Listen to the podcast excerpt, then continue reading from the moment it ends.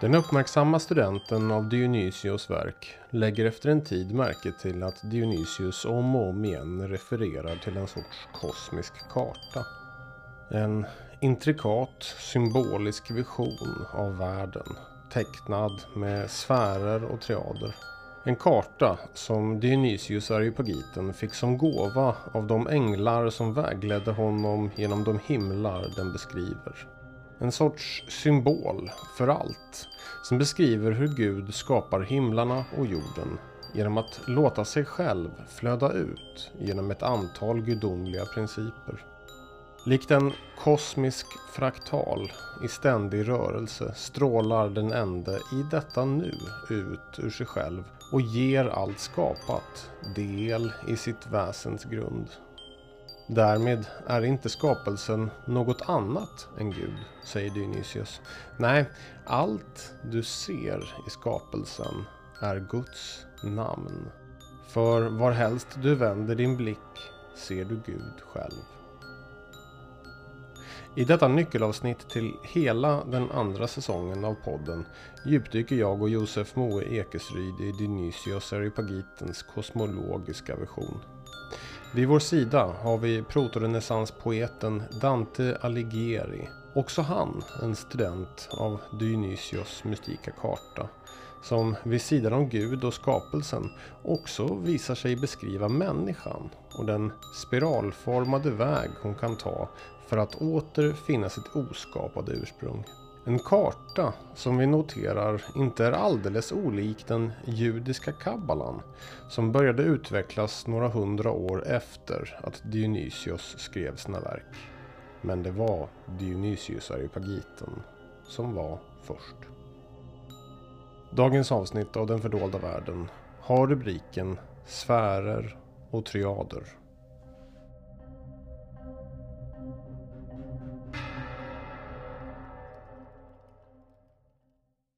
Josef Ekesryd, hur står det till? Jo, det är bra. Numera heter jag ju faktiskt Josef Mo Ekesryd. Ah, just det. Jag eh, har ju, sen vi gjorde de tidigare inspelningarna har jag faktiskt gift mig med min Maria. Josef och Maria. Det är ju... Det är mycket bra namn att ha på en fru, kan jag säga. Det är ju det. Det är ju det. hur är det då annars? Jo men det är bra. Vi har köpt ett hus tillsammans. Vi har flyttat in i det och eh, jag har påbörjat en ny tjänst som kommunister i Lugnås Ullevads past pastorat utanför Mariestad. Själv så är jag kvar i Knivsta pastorat och trivs som fisken i vattnet. Eller fågeln i himlen. Härligt. Verkligen. Ser fram emot att du kan komma ner och hälsa på. Ja, nej men verkligen.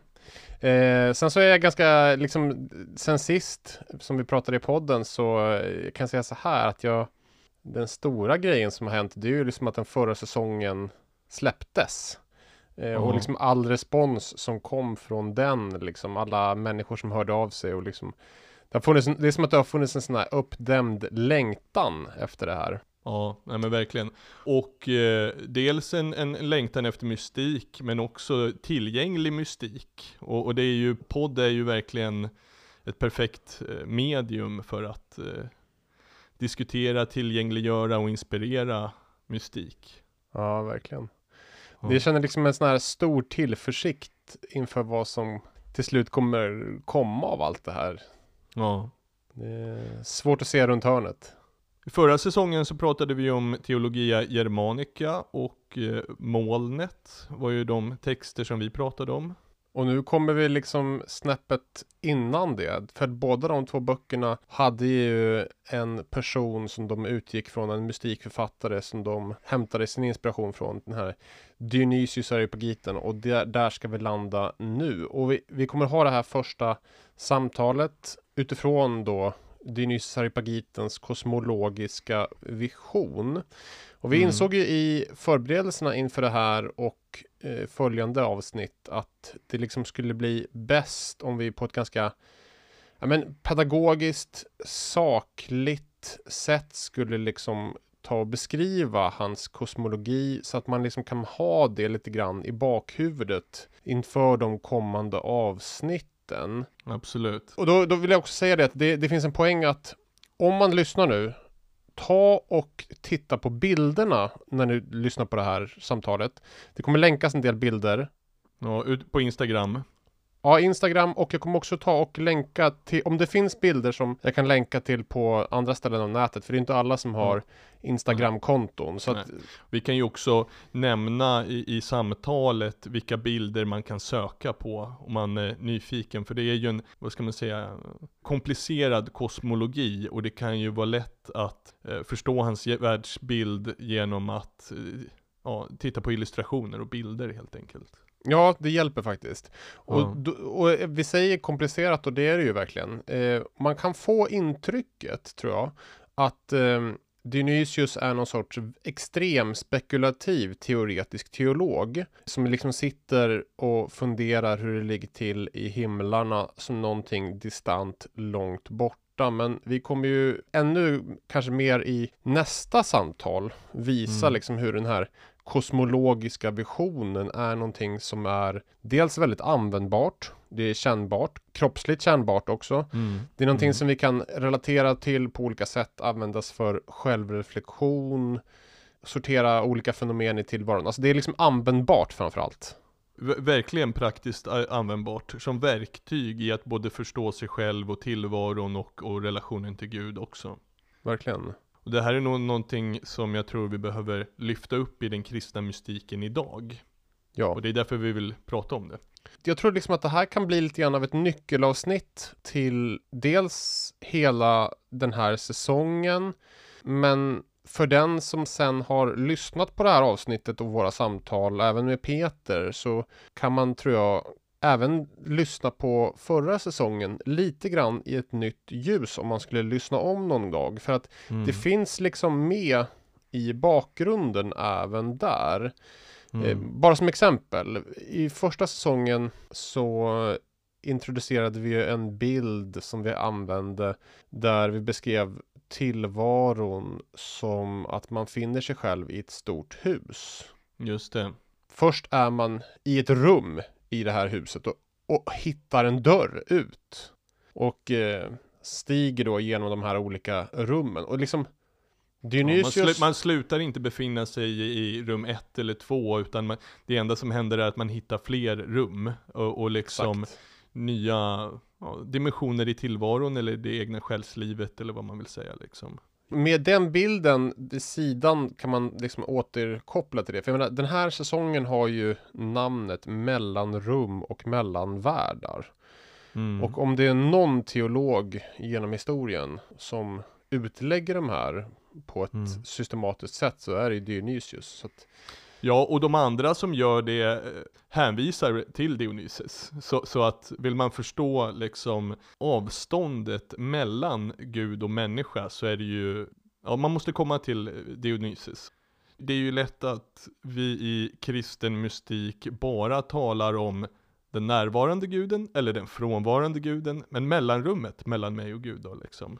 precis, och vägen Ja. dit. Ja, vägen dit. Ska vi ta och em, gå in på lite grann bakgrundsmaterial som liksom finns här när man liksom ska närma sig Dionysius, alltså läran om de sju himlarna. Om jag börjar så här. Vår fader som är på himlarna. Ja, just det. Så är ju det faktiskt en eh, legitim eh, översättning av bönen Fader vår. Det är inte många som har hört den, men Fader vår som är i himlarna är ju faktiskt en lika giltig eller legitim läsart som att säga Fader vår som är i himmelen. Ja, visst. Att Gud bebor flera himlar. Det finns mer än en himmel. I finskan till exempel, det var Jimmy Österbacka som uppmärksammade mig på det. I finskan Mm. till exempel så är det så att det är himlar. Och det är inte bara i Fader vår, eller Vår Fader som det är på det här sättet, utan det, Mm. det är ju återkommande i det bibliska materialet. Ja, och vi sjunger ju till exempel, nu återknyter jag bara till en liturgisk text, när vi sjunger Sanctus i mässan. Himlarna och jorden är fulla av din härlighet, Hosianna i höjden. Välsignad vare han som kommer i Herrens namn. Precis. Man sjunger om himlar i pluralis. Ja, och om man tittar till exempel på ikoner för Jesu uppstigande genom himlarna Då ser man ju att eh, Jesus ofta sitter på inte bara en utan många färglager av himlar. Det brukar vara en regnbåge med sju stycken färger. Det finns sju himlar och det Ja. kommer vi nu att lite grann börja med att packa upp. Ja, Sju himlar. Jag tycker bara att vi kan börja med att nämna att för en person som Paulus så var ju det här antagligen en självklarhet.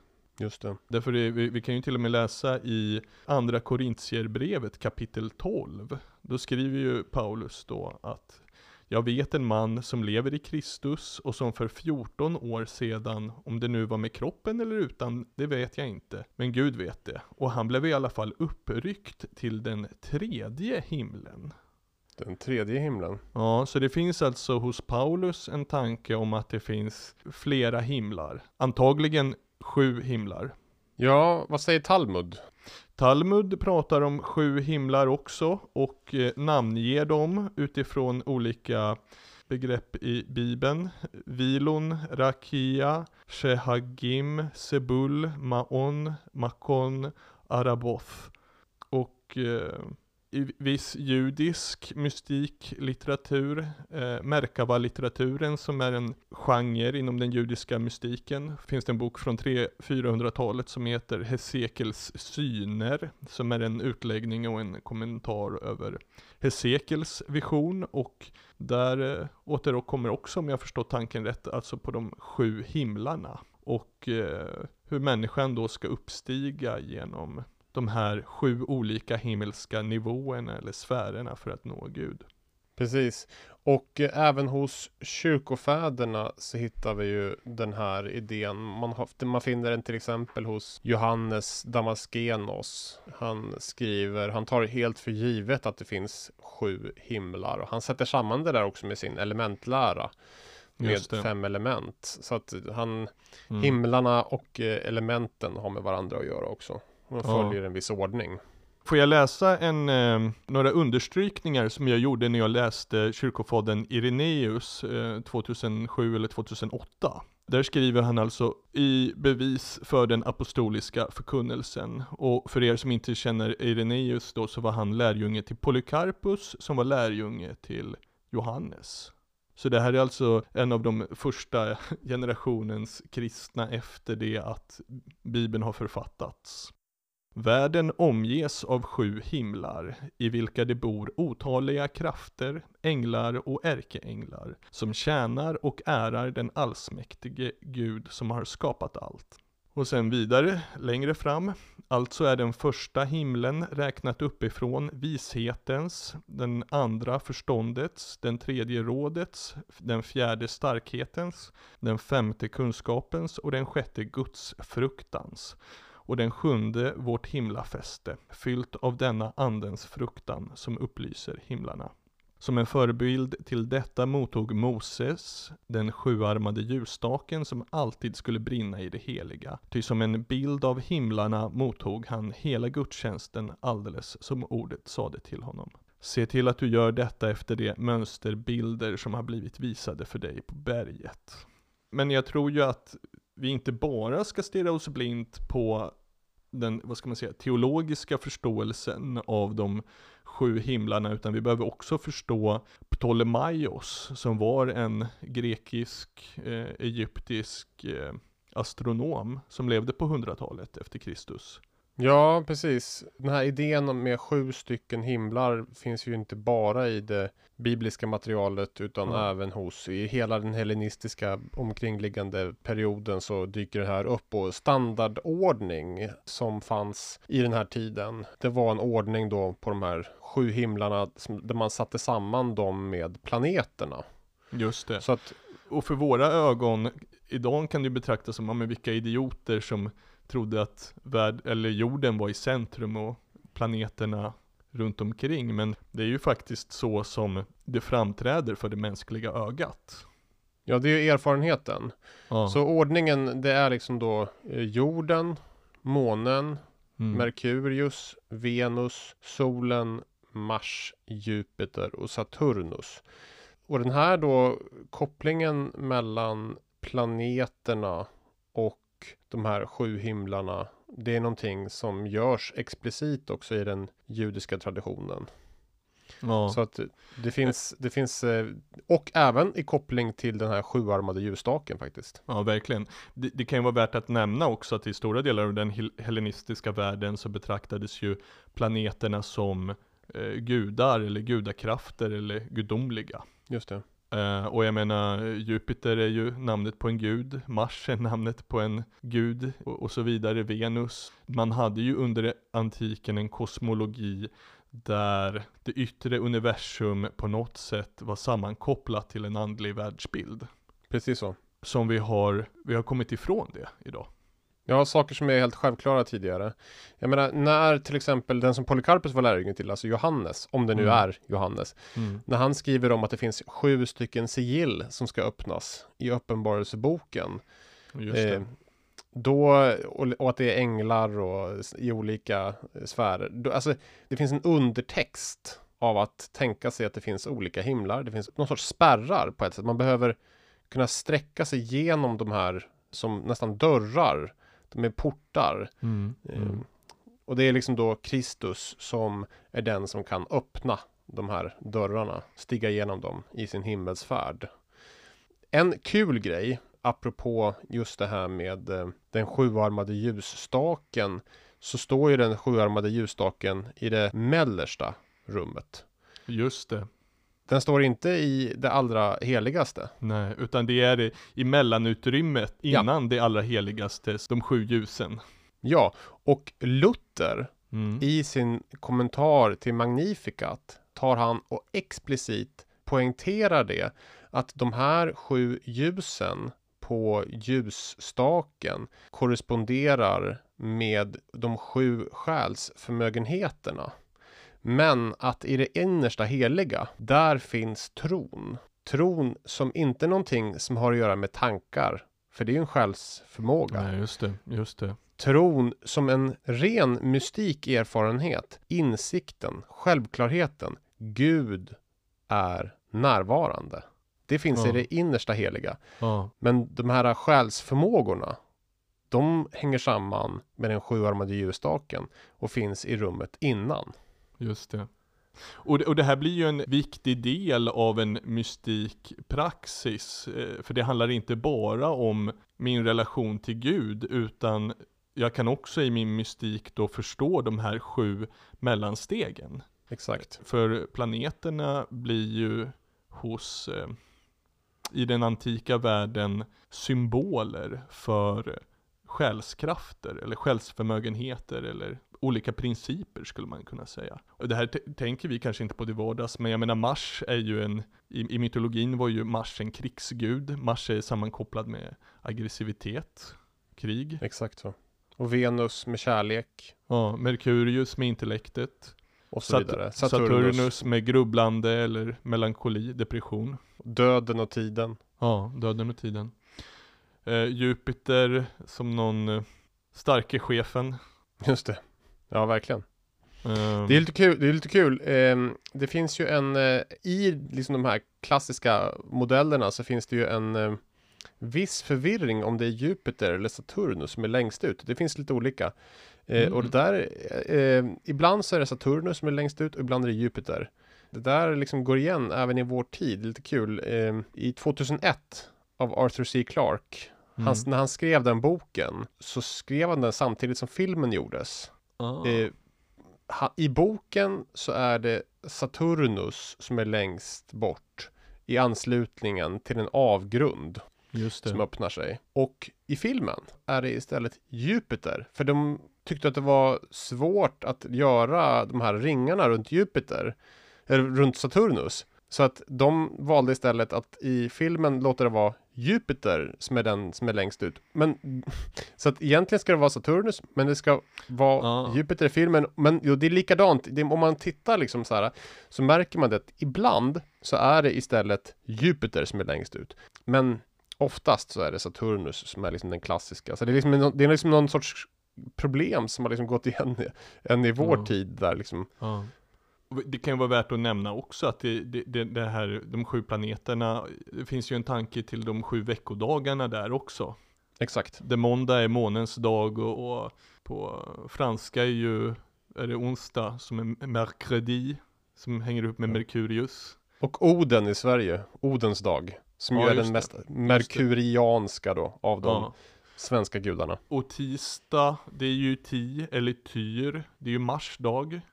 Japp. Mar, mardi. Och eh, torsdag, Tor är ju Jupiter, eller en, liksom en, den svenska varianten av Jupiter. Saturday säger man ju på engelska, det hänger ihop med Saturn. Mhm, Ja. Exakt så.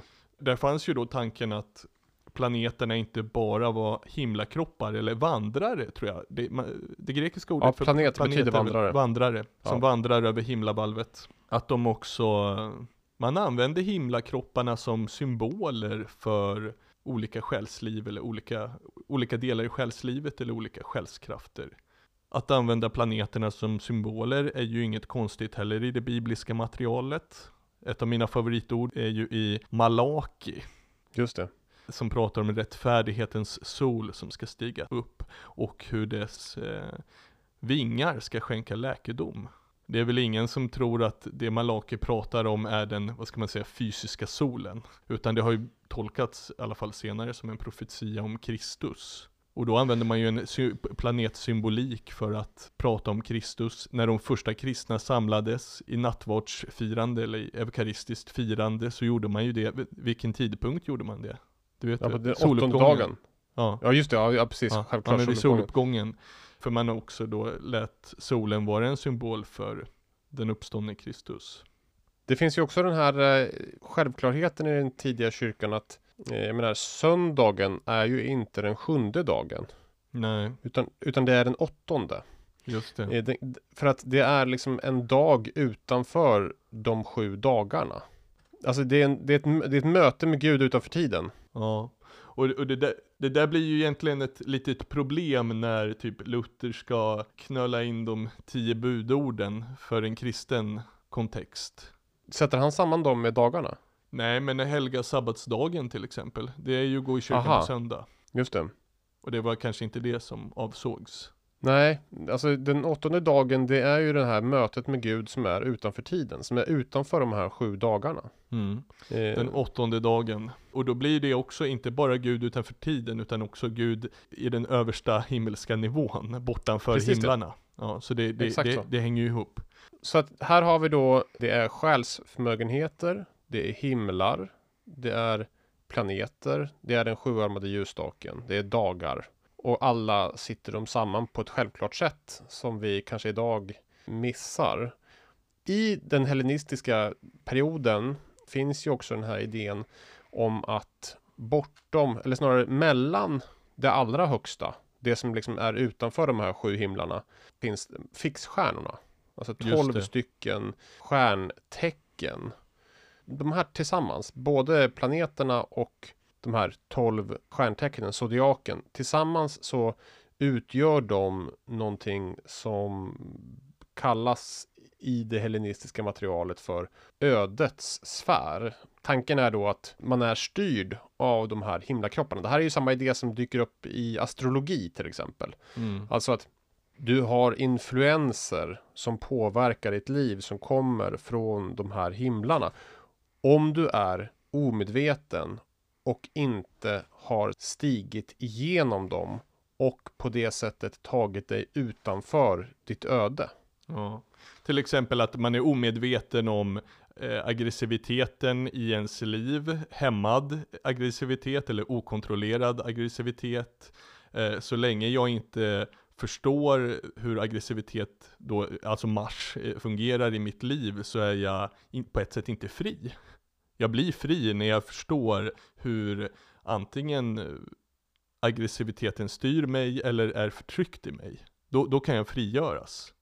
Eller Merkurius då, intellektet, vad är det som hämmar mig från att blomma ut intellektuellt? Eller är jag överintellektuell liksom? Nu, jag tog några väldigt enkla aspekter här. Någonting som har med självkännedom att göra.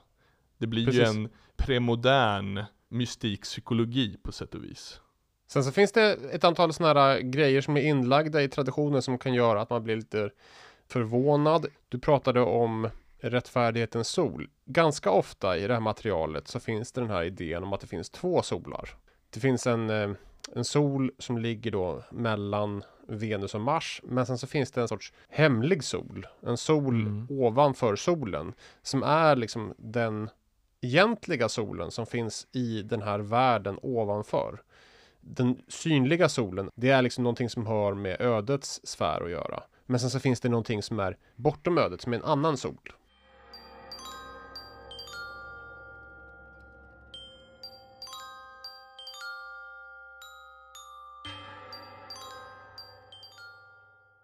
Vi kanske ändå ska nämna någonting om att det Dionysus pratar om är ju de tre triaderna, emanationen ur Gud, att det finns nio nivåer som flödar ut ur Gud. När man läser Dionysius, då, då slås man av, han pratar ju inte om sju stycken himlar. Nej. Utan han pratar om nio, tre gånger Ja. tre himlar.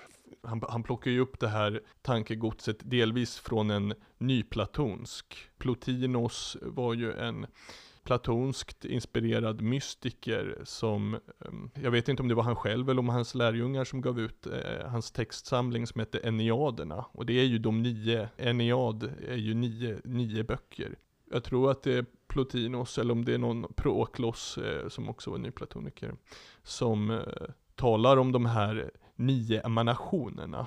Himlarna eller universum tillblivelse sker i de här nio emanationerna.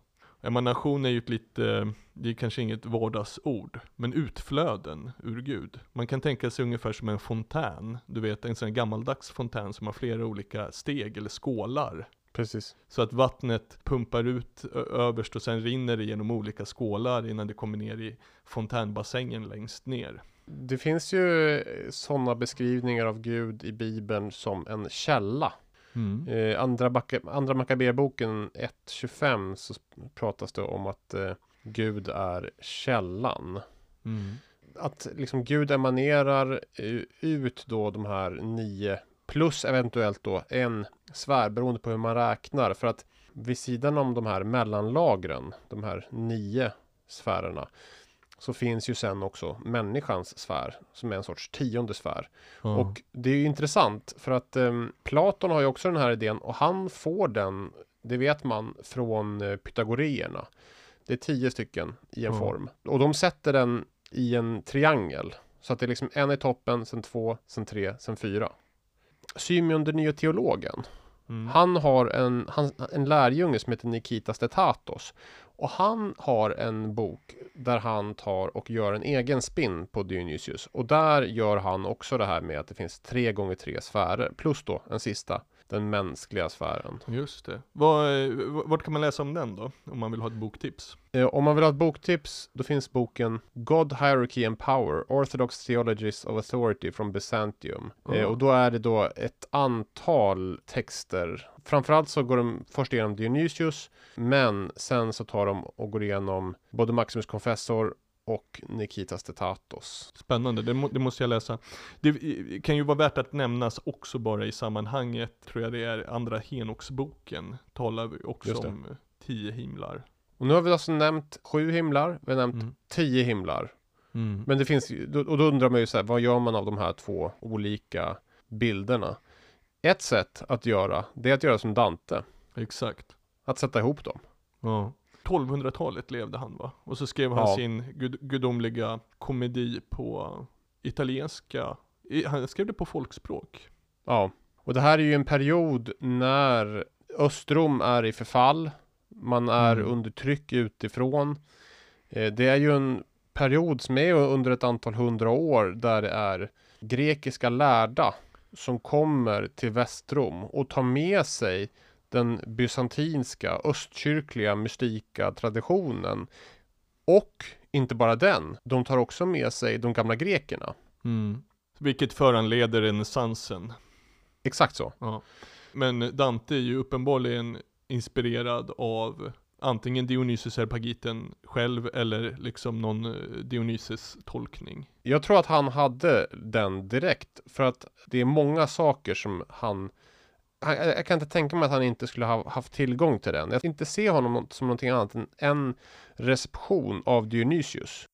För att jag menar, det är ju ganska snart efter det som de här äh, böckerna som vi läste i förra säsongen kommer, som är receptioner av Dionysius. Det här är nära i tid. Ja. Det, det måste nästan vara så att folk började få tag på Dionysius och Dante läser då Dionysius och tycker jaha, Det här är bra grejer. 9 plus 1.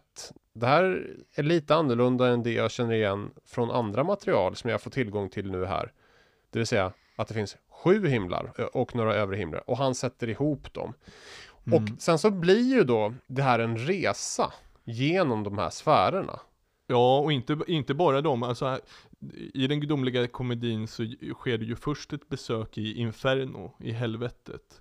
Och sen i Purgatorium, eh, skärselden, och sen i him himmelen eller himlarna. Och 9 plus 1 eh, strukturen återkommer ju i alla, på alla de här tre olika kapitlerna. Precis. Resa ner i helvetet, där finns det en 9 plus 1 struktur också. I skärselden och sen himlen. Det finns någonting att transcendera och det finns någonting att inkarnera. Det finns i någon mening någonting som behöver lämnas. Ja. Det finns någonting annat som behöver få ett utflöde. Så att både det infernaliska och det himmelska finns. Du Ja. behöver liksom på något sätt ta och frigöra dig från det som binder dig i det infernaliska. Mm.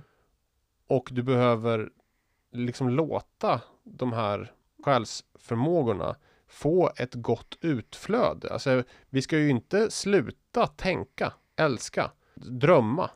Utan vi ska ju transcendera det så att vi inte identifierar oss med det utan kan sträcka oss in i det här åttonde. Det här Ja. bortom. Återigen, om vi, om vi bara ska ta en jätte, jätte en, enkel eh, liksom, parallell till vardagslivet. Ta till exempel då Mars. Planeten Mars, aggressivitet. Om man har i, det i sig, liksom, hur, hur, hur transcenderar man det då? Ja, ett bra sätt är att ta gå på gym eller ta och eh, vara med i en kampsportsklubb så att man kan ta och nöta lite slag i en boxningssäck. Lära känna sin aggressivitet, bejaka den, men också tämja den. Så att den inte Mm. blir undertryckt och att man går och bara är allmänt oharmonisk för att man hämmar sin aggressivitet. Och jag menar, liksom nycklarna till vad de olika sfärerna, himlarna, vad de handlar om, de finns ju i då till exempel Dante. Vi skulle kunna ha en hel boksamtal bara om Dante.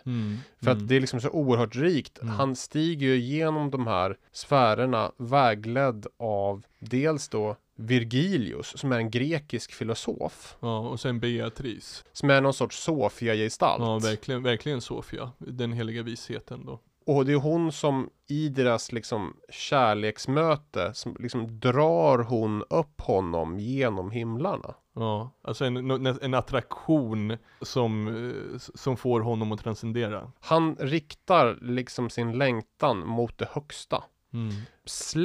Släpper sin blick vid det här omedelbart planetära, det här mellanlagren och transcenderar dem. Följer med sin kärleksblick Beatrice upp genom himlarna. Men han gör det på ett väldigt så här, eh, det tar lång tid. Det är Mm. väldigt mycket som äger rum. Det är liksom möten med massor med personer, filosofer, poeter, döda personer som finns i alla de här olika världarna och sfärerna som liksom ringar in vad då de här olika grejerna handlar om. Ja, och där plockar ju Dante in element från grekisk och romersk mytologi. På vägen ner till helvetet så träffar han ju Kerberos till exempel, som är den trehövdade hunden, som återfinns i den grekiska mytologin. Jag tror att han beskriver Kerberos som en avgrundsande. Även Karon, färjekaren, finns ju med, Linda lindar ju Dante in i, i liksom resan ner till helvetet. Så det sker ju i någon form av dialog med den antika världens mytologi och föreställningsvärld. Ja, och jag menar det här är ju inte, det är ju inte heller så att Dante tar Dionysius lite mot hans vilja och gör det här. Utan det finns ju, hos Dionysius så finns det ju en koppling. Dionysius, han, när han pratar om änglarna på, jag tror det är sidan 74 i min engelska utgåva. Mm. Där pratar han om änglarna och han pratar om dem och liksom i relation till vad han kallar himlaljusen. Så att liksom det här med att göra kopplingen mellan änglarna, där, som ju, det är ju det som är grejen någonstans att Dionysius säger att det är nio stycken himlar och där bor det nio stycken olika sorters änglar. Ja, och, och det Eh. kommer ju, det- till och med Irenaeus antyder ju om att de olika himlarna bebos, de är fullspäckade av änglar och ärkeänglar liksom. Och Dionysius pratar ju om, jag har läst eh, den svenska översättningen som är utgiven på Artos, alltså paradoxernas gud. Och där, där pratas det ju om de intelligenta ljusen. Hela nästa avsnitt, eller blir näst, nästa avsnitt kommer vi behöva gå, gå ner i vad, vad det där med ljusen betyder.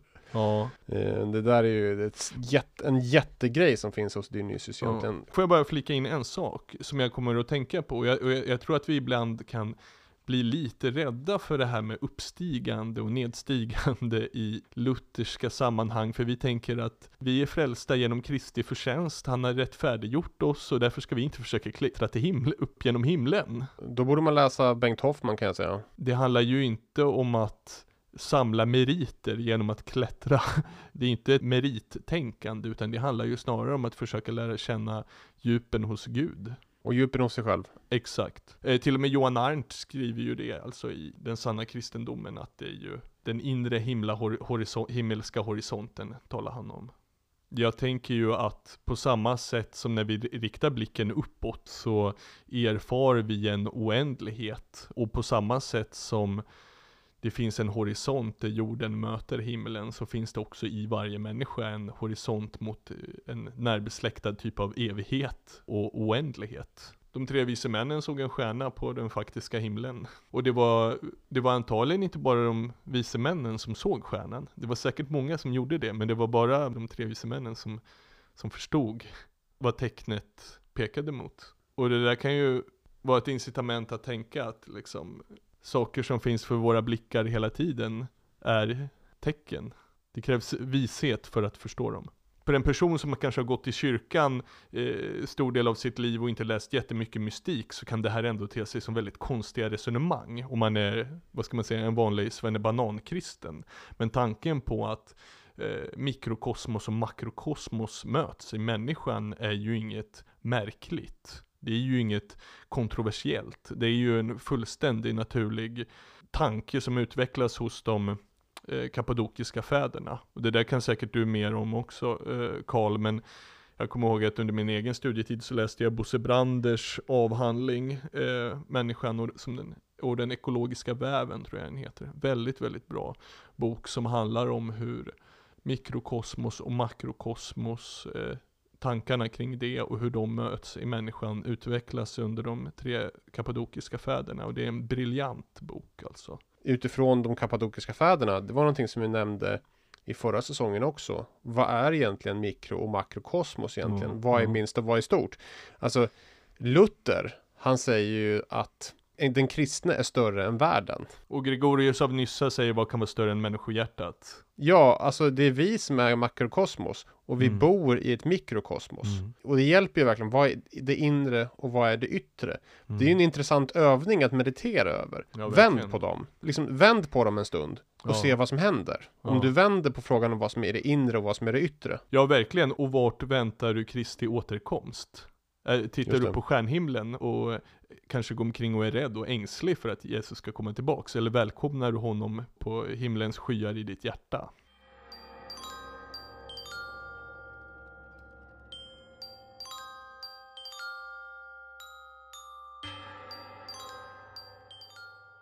Om man läser Dionysus hastigt eller utan att ha en jättemystik liksom, praktik i ryggen så kan ju talet om hierarki och lovsång låta lite främmande, eller hur? Ja, det är han som skapar begreppet hierarki till och med. Ja. Eh, det, han är liksom den första att använda, han sätter ihop det begreppet.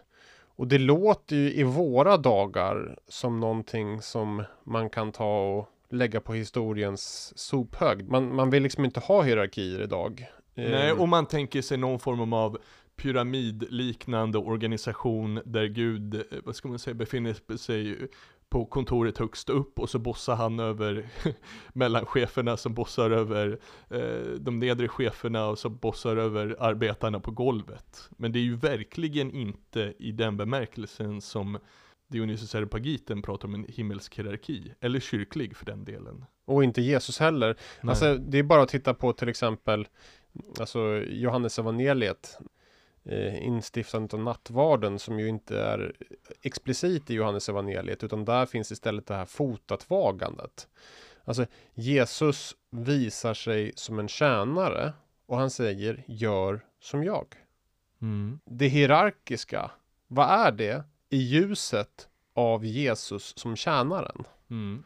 Det handlar ju inte om det här kungen som bestämmer över allt på det sättet. Nej, kungen som pekar med hela handen. Nej, hur är han kung? Liksom Mm. eh, Jesus, när han sitter med törnekrona och sina röda kläder inför soldaterna som hånar honom. Då är han kung. Mm. Det är så han gör. Ja, och han är kung när han är ett litet barn. När han är nyfödd är han kung. Exakt. Inledningen på första kapitlet i den kyrkliga hierarkin eh, av eh, Dionysius. Han pratar nu liksom om den jordiska kyrkan, eller vad ska man säga, den himmeljordiska kyrkan, den, den synliga kyrkan på något sätt. Det är det, det han går in på i den kyrkliga hierarkin. Men han tar sin utgångspunkt i de tidigare liksom resonemangen om, om den himmelska hierarkin. Och när han skriver om hierarki så skriver han så här. Eftersom vår hierarki är en inspirerad, gudomliggörande insikt, aktivitet och fullkomning. Hierarkin är inte en pyramidliknande chefsorganisation, utan den, den hierarki som Dionysus pratar om, det är snarare en, liksom en livsström. En kosmisk livsström som kommer från Gud själv och som är aktivitet, det är insikt, det är fullkomning. Och att eh, inordna sig i den himmelska hierarkin handlar ju då inte om att bli en basse på golvet som gör vad chefen säger, utan låta allt det här flöda i mig och leva i enlighet med detta. Ja, alltså för mig så har den kanske bästa bilden för hur det här liksom uttrycks. Ehm, det har liksom varit bilden av eh, fraktalen. En fraktal är ju, om man bara googlar det, så ser man massor med olika, men själva grundprincipen det här att du har ett mönster som går utanför sig själv och flödar ut, men som hela tiden är mönstret. Det är Mm. liksom, om man kan tänka till exempel på ett träd, Ja. en träd med grenar, så är ju liksom stammen och grenen och den mindre grenen, allting är ju liksom, hänger samman. Om en gren säger så här, åh, nu känner jag verkligen inte för att vara en gren längre. Mm. Det är, som, det, det är helt det, Om den vill vara någonting överhuvudtaget, det enda sättet som den kan vara det den är, Mm. är att vara det den är och därför sammanlänka sig med resten av trädet och vara grenen. Mm. Jag är vinträdet, ni är grenarna, säger ju Jesus. Det är väl en, en av de mystika insikter vi kan göra. Det är väl att de- den Josef Moekisryd som framträder i världen kanske är en knopp på det gudomliga trädet. Som förhoppningsvis Precis. kommer blomma ut liksom, tillsammans med alla andra människor. Se sin del då i den här fraktala rörelsen, i den gudomliga strömmen och att varje människa sitter ihop med den, denna ström. Paulus skriver ju liksom, nu lever inte längre jag utan Kristus i mig och det är väl en, Det är dopets mysterium och det är nattvardens mysterium. ja, Om vi vill vara de vi är, då måste vi vara det i, inte inordnandet som att jag liksom på något liksom ska tänka ut hur jag ska liksom bli på samma sätt, som en sorts kopia, utan jag måste liksom, det handlar om en djupnivå ja, som bara måste liksom älska sig fram till det som den känner att det flödar liv ur. ja. Det är liksom det i mig som sträcker sig efter det gudomliga. Liksom känner den här värmen, ljuset, närvaron. Som liksom flödar genom mig, in i mig. Mm. Då liksom sträcker jag mig ännu mer. Och ljuset flödar och sträcks ut, ut genom mig. Liksom, det, det handlar inte om att någon del av mig ska sitta och tänka ut det här. Nej. Utan det här är ju liksom, det här är ju en kännbar grej. Man måste ju liksom in, det är liksom, för den som börjar liksom erfara det så är det en sån självklarhet. Ja, och, och, och återigen, vi har ju pratat om det här tidigare och vi kommer, återkommer väl till det också, att kristen mystik handlar ju inte bara om att för, försanthålla vissa liksom, saker som teoretisk fakta, utan att evangelium är en kraft för en var som tror, alltså att låta evangeliets kraft verka, det är kännbart, det är fysiskt kännbart, det är så reellt någonting kan bli.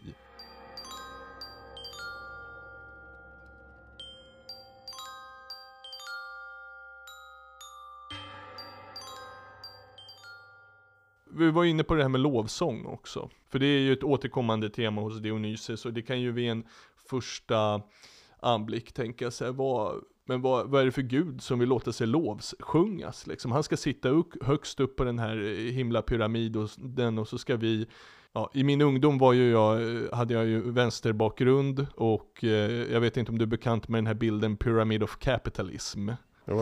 Eh, Om du inte har sett den bilden, go- googla den. Bara för det är en liksom, illustration över hur jag tänker att den himmelska hierarkin inte är.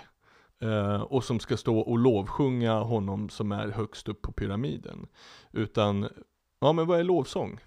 Hela den dionysiska, hans kosmologi, det är ju att det finns nio stycken sfärer av änglakörer. De sjunger sin musik. Det är en enorm symfoni.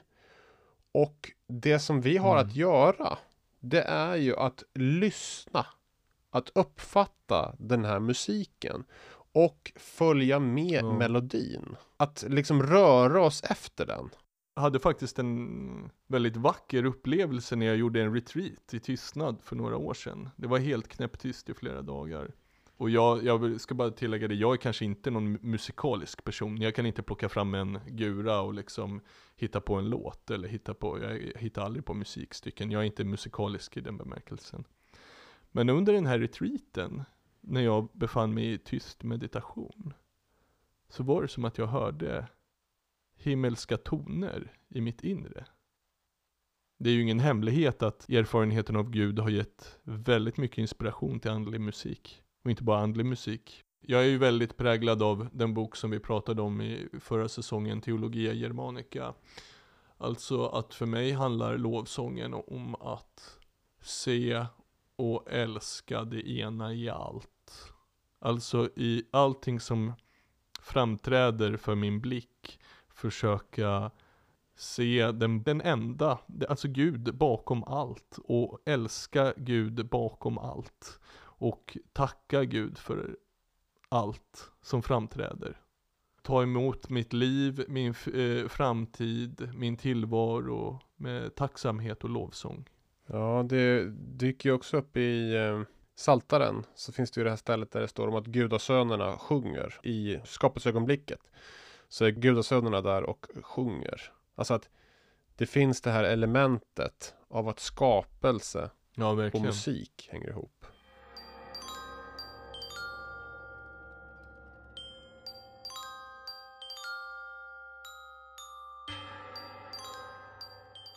Det är ju någonstans så att för många personer som eh, lyssnar på det här så kommer det ju vara så att man, det, kän, det är som att man känner igen det här från någonting. De tänker, jaha, det här är någon sorts kristen variant på kabbala. Ja, men så är det ju Eh. inte. Kabbalan kommer ju senare. Exakt. Den kommer Ja. 800 år senare. Givetvis så, det vi redan har varit inne på är ju att det finns en grekisk, judisk, kristen eh, kultursfär där vissa idéer blandas. Och jag menar, det har vi ju pratat om, hur till och med Ire- tänker med himlarna och sådär. Men, men senare uppkommer ju ho, hos judarna eh, kabbalan, tanken på gudomliga emanationer i det som brukar illustreras som livets träd. Om man inte har sett det så kan man googla livets träd och det finns hur många bilder som helst. Och där är det ju tio, enkelt sagt kan man säga att det är tio emanationer, tio cirklar som flödar ner på det här trädet. Där du har Keter högst upp, kronan och längst ner har du Malkut, riket. och hur eh, man tänker sig att den gudomliga tillblivelsen eh, sker genom ett flödande i, genom de här nivåerna. Kabbalan är ju till en början förbehållen judar, hålls inom eh, den judiska gemenskapen. Sen så börjar ju vissa av de här renässanshumanisterna studera kabbala, läsa kabbala och det uppkommer en kristen kabbala. Athanasius Kircher, tror jag skriver lite om kabbalan. Johannes Reuchlin som är Philip Melanchtons mentor. Han skrev ju De Arte Kabbalistica, eller De Arte Kabbali den kabbalistiska konsten. Och då har vi alltså Martin Luthers sidekick eller kompanjon. Melanchthon, det är ju han som har skrivit eh, Augsburgska bekännelsen och Augsburgska bekännelsens apologi. Han, eh, hans eh, mentor, och intellektuell och andlig mentor, Johannes Reuchlin, skrev ju jättemycket om kabbala. Den kristna kabbalan har ju den här eh, liksom bakgrunden i renässansen. Den stora personen är ju Pico della Mirandola. Alltså Mirandola, eh, alltså det, här är, det här är ju alltså 1400-talet. Eh, de kallar ju sig själv för akademin. Med då hänvisning till den platonska akademin som hade gått under ja, på, ja, vad är det, 400-talet eller något sånt där. Och Mirandola, han skriver ihop en kristen kabbala. Och han men hela akademin var ju entusiastiska Dionysius Areopagiten-läsare och hyllar honom som den stora kabbalisten. Så att eh, Pico della Mirandola som skapar den mm. kristna kabbalan, hans stora förebild är Dionysius. För att han ser det som att det han gör är det de vill göra, det vill säga han tar den kristna sanningen och sätter samman den med den grekiska mm, filosofin. Mm. Det är så han uppfattar mm. eh, Dionysius Areopagiten. Så för, för, för de då här renässans eh, mystikerna så är Dionysius en av deras ja. absoluta stora förebilder. Många kristna kabbalister använder ju tidigt kabbalan som ett sätt att försöka konvertera judar till kristendomen. Och man försöker också alltså, predika om ja, Kristus, Kristusmysteriet med en, ett kabbalistiskt språk för att liksom konvertera judar. Bland annat så tror jag att en av de saker som sker är att man eh, till exempel placerar in Kristus på en plats i livets träd för att titta, men det är det, det här som ni pratar om, Tifaret, eh, det, är, det är Kristus. Just det. Men, men det är ju liksom själva grejen också såklart. Det finns, det finns ju enorma likheter. Ta bara en sån här sak som att Dionysius pratar om att det finns liksom Guds kraft. Och sen så finns det krafter. Det finns Guds auktoritet. Och sen så finns det, det auktoriteter. Det vill säga, det finns en, liksom som en sfär där det finns ett visst typ utav gudomlig aktivitet och i den gudomliga aktiviteten så finns det också änglar som har mm. med det att göra. Så att sfären och änglarna de har med varandra att göra. Det är liksom en sån här grundperspektiv. Och i den idén hittar man ju också ja, i kabbalan. Sen så finns det ju också den här um, emanationstanken som vi liksom snuddade vid tidigare. Det här att Gud strålar ut. Alltså Areopagiten använder ju faktiskt emanationsbegreppet när han pratar om ljusen som strålar ut.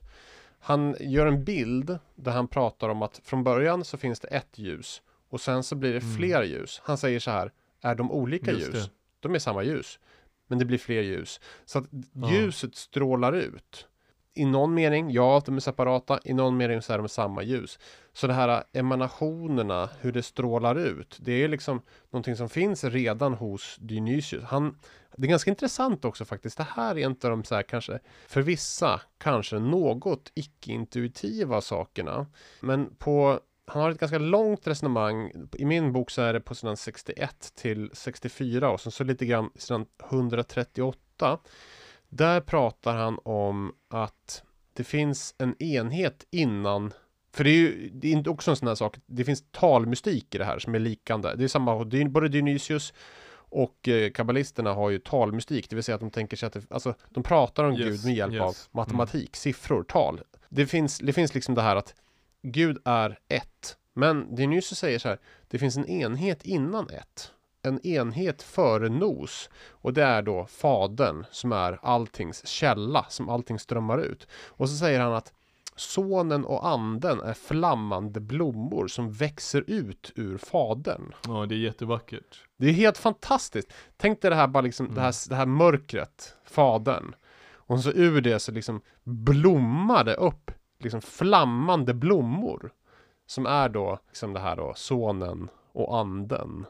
Alltså att, och, och så att sonen då är då den här nos. Ja, när du pratar om ljus, ljuset och ljusen, så är ju Jesus, när Jesus pratar om världens ljus, så är det ju både han själv och hans lärjungar. Han säger ju, jag, jag är världens ljus, men han säger också vid andra tillfällen, ni är världens ljus. Haha, just det. Strålande. Strålande är ordets absolut mest eh, strålande, bästa beskrivningen. Nikita Stetatos som jag nämnde tidigare, han eh, i den här boken som jag hänvisade, liksom, som, det är inte den boken som han skrev, men den boken som jag hänvisar till, den skriver om hans, de böckerna som han skrivit, de finns tyvärr inte översatta Nej. till engelska än.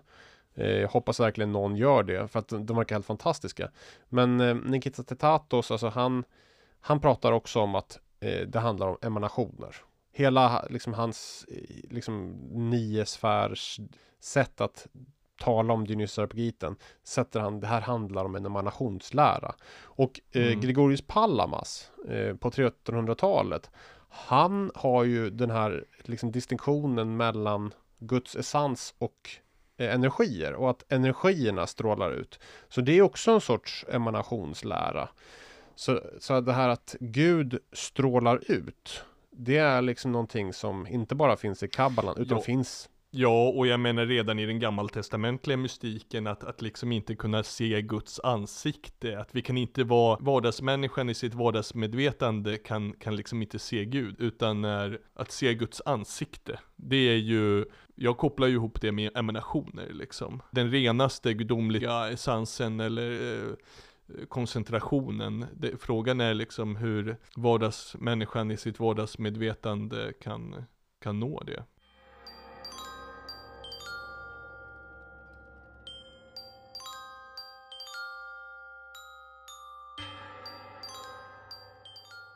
Dionysius mm. säger så här på ett ställe. Varje tal förexisterar i monaden. Alltså Gud, det ursprungliga Gud. Varje tal förexisterar i monaden och monaden håller varje tal i sig själv. Varje nummer, varenda tal är förenat i monaden.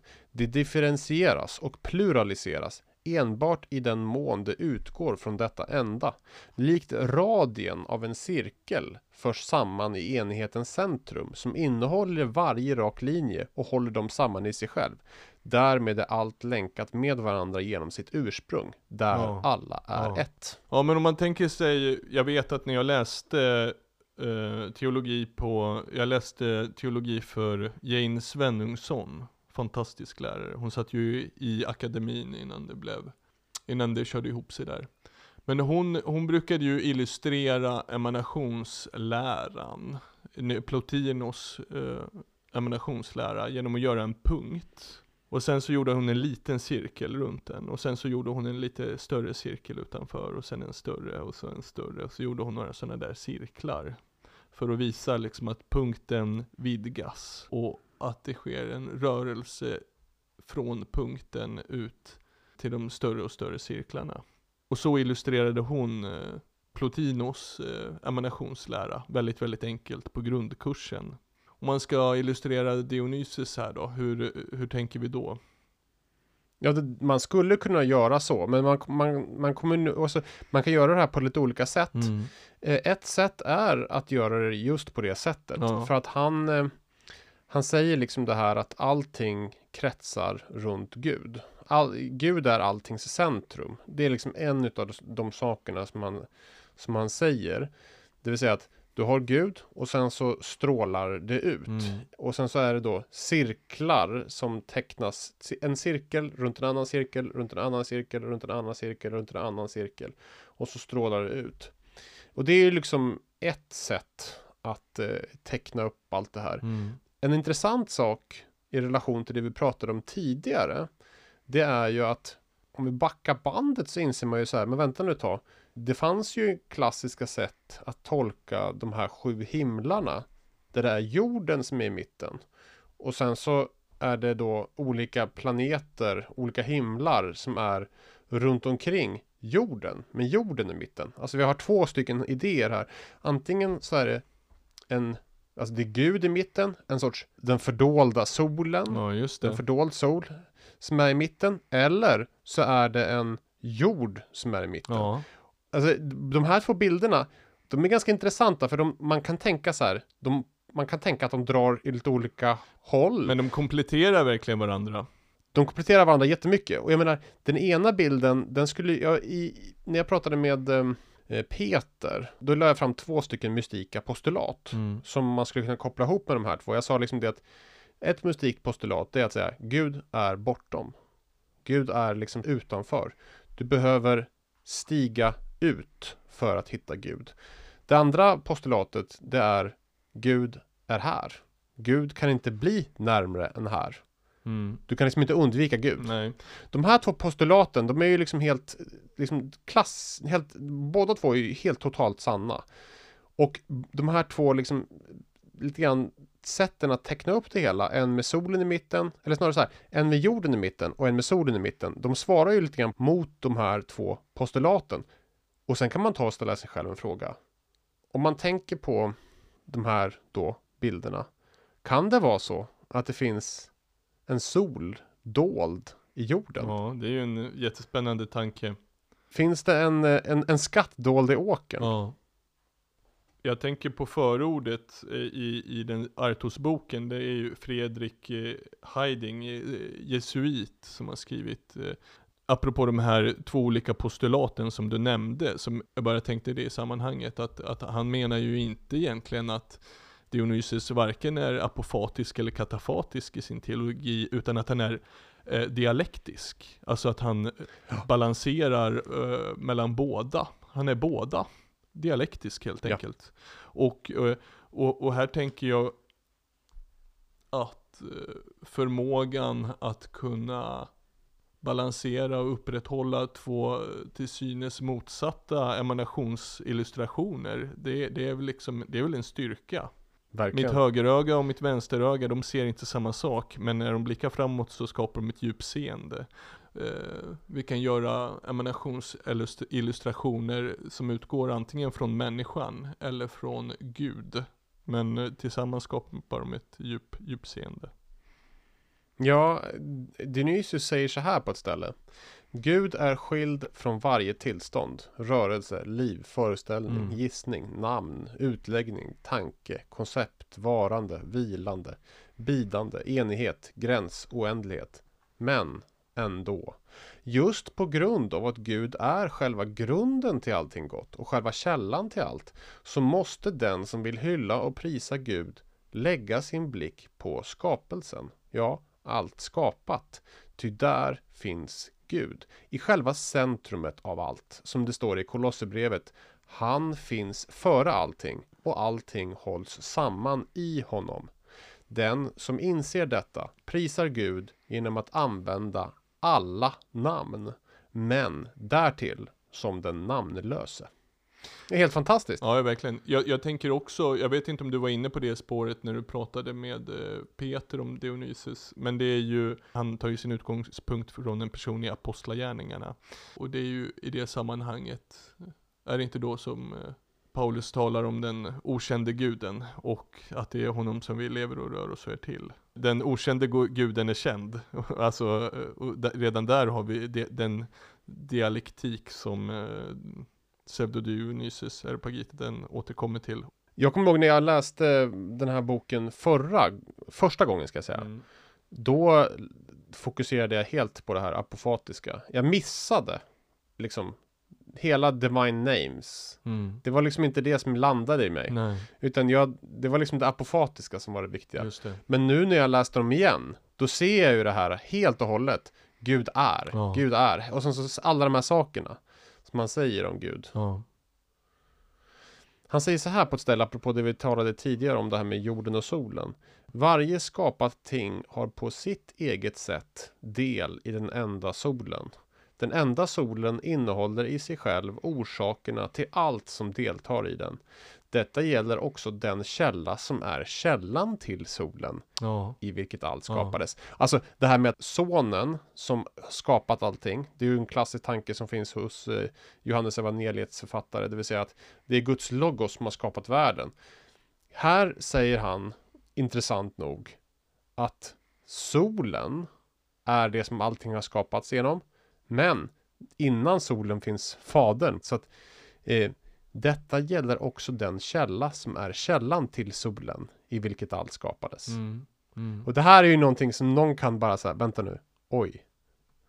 Jag drar ju Eh. vissa paralleller till, till Kabbalans tal om till exempel Ein Sof år.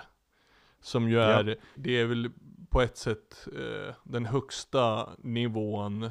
Keter är ju den, liksom, på ett sätt den högsta sefirotten på livets träd. Och sen så finns det ju Ein Sof. Och sen finns det Einsof år. Ett himmelskt bakomliggande ljus som upplyser allt.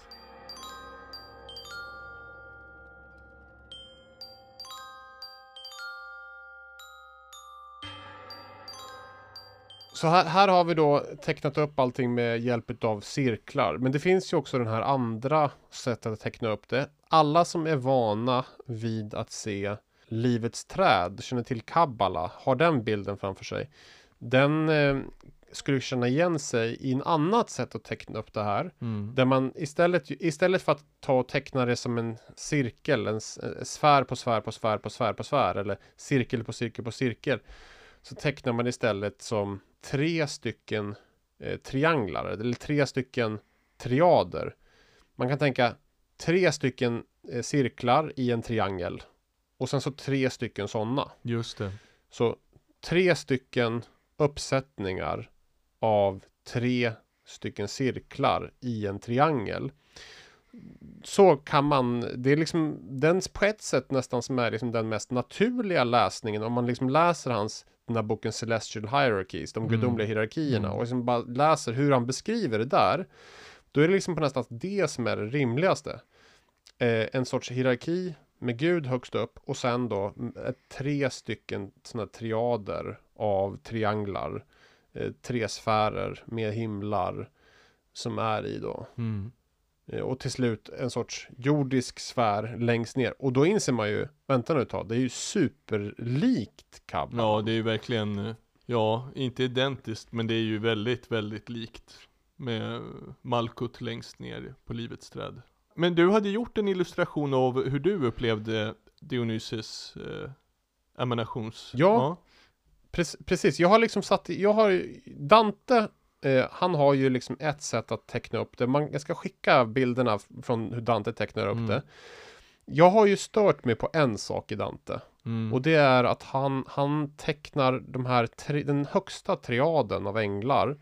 Som det står överallt i Dionysus texter att de är liksom i det allra, allra högsta. De är liksom inte i de här. Det är nästan som att de inte är i mellanlagren nästan.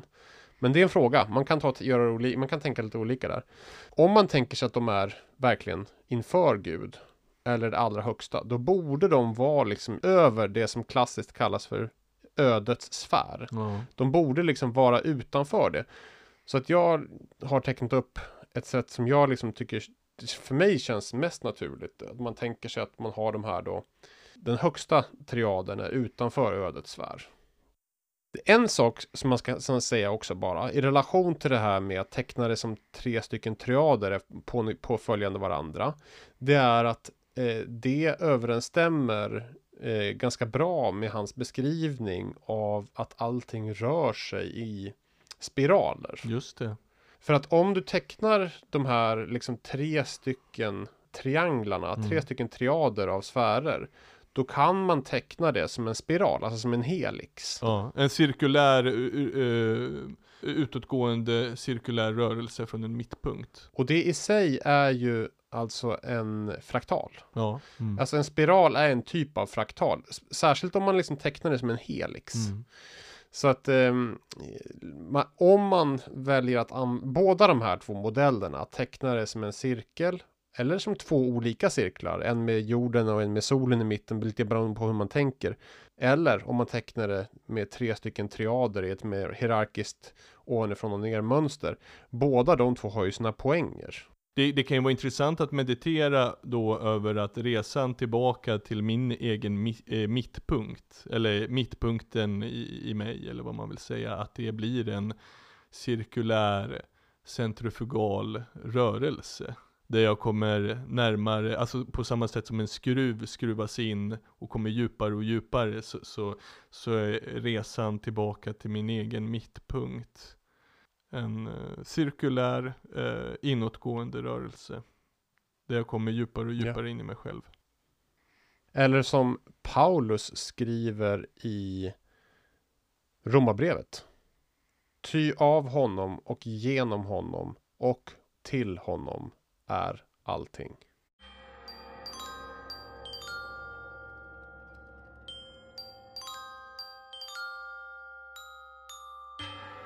Du har lyssnat på Den fördolda världen. En podd om kristen mystik och det inre livet. Vår hemsida finner du på hjärtatsbon.se. Skriv gärna upp dig på det nyhetsbrev som podden, nätverket Hjärtats bön och nätverket för mystagogiskt lärande med ojämna mellanrum skickar ut. För information om exempelvis framtida digitala seminarier. På hemsidan finns också information om hur du kan delta i någon av Svenska kyrkans lokala Hjärtats böngrupper, fysiskt eller via nätet. Samt hur man kan komma i kontakt med nätverket Hjärtats bön och nätverket för mystagogiskt lärande. Båda verksamma inom Svenska kyrkan. Där hittar du med tiden en kort och längre förinspelad introduktion till hjärtats bön samt växande antal inspelade vägledningar som du också kommer hitta på ett separat podcastkonto med namnet Hjärtats bön. Om du skulle önska boka in föreläsningar om de ämnen som podden behandlar så är det möjligt att göra det då det är något som flera av oss kan göra i tjänsten. Om ni skulle vara en församling inom Svenska kyrkan som bokar oss innebär bokningsavgifterna i praktiken att pengar går från en församling till en annan. Hör av dig till poddens redaktion för mer information, också i det fall då du har andra tankar om samarbete. Den som vill vara med och fortsätta samtalet är varmt välkommen till vår chattkanal på appen Signal. Du finner en länk för att gå med i gruppen i textflödet som hör till avsnitten. Bilder från inspelningar, de konstverk och ikoner som refereras till i samtalen samt annat av intresse kan man finna om man går in på Instagramkontot Sällskapet Nos. Om du uppskattar poddens innehåll skulle vi vilja be dig att prenumerera på podden och ge den en positiv recension i ditt podcastprogram. Det hjälper oss att nå ut till fler. Så vi är mycket tacksamma om du gör det. Den som är intresserad av att köpa någon av de böcker utgivna på Artos som vi samtalar om i podden kan göra detta till ett rabatterat pris på Artos hemsida. Uppge då koden Den fördolda världen.